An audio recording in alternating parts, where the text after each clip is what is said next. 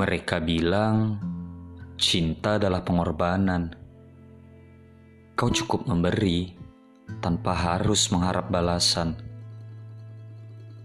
Setelah perpisahan itu, aku coba mengerti apa yang pernah mereka utarakan. Aku kembali berjalan beriringan dengan kenang dan bayang. Kadang ada waktu di mana sunyi begitu kerasnya menghantam. Ia memaksaku berhenti untuk melupakan. Ia berinut terisi kenang dan bayang. Agar tujuanku untuk merelakan lumpuh total. Keadaan seperti ini membuatku kalah. Hal-hal yang pernah ku coba mengerti kembali ke titik awal. Pertanyaan demi pertanyaan melayang-layang, mengawang di atas kepala, hingga membawa ikhlas dan rela keluar pada jalurnya.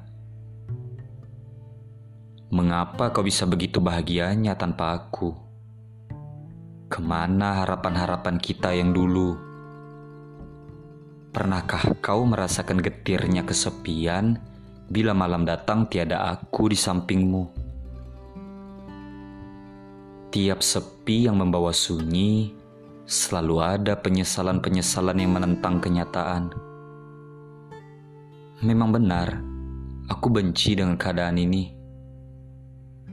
Keadaan di mana seharusnya aku berdiri tegap menerima sebuah kehilangan seketika runtuh saat sunyi menghantam. Dan ternyata ada yang lebih kubenci dari kenyataan itu. Ialah aku benci dengan diriku sendiri. Aku benci diriku yang tak pernah sanggup untuk membencimu. Aku benci diriku yang selalu diam-diam menaruh perhatian terhadapmu.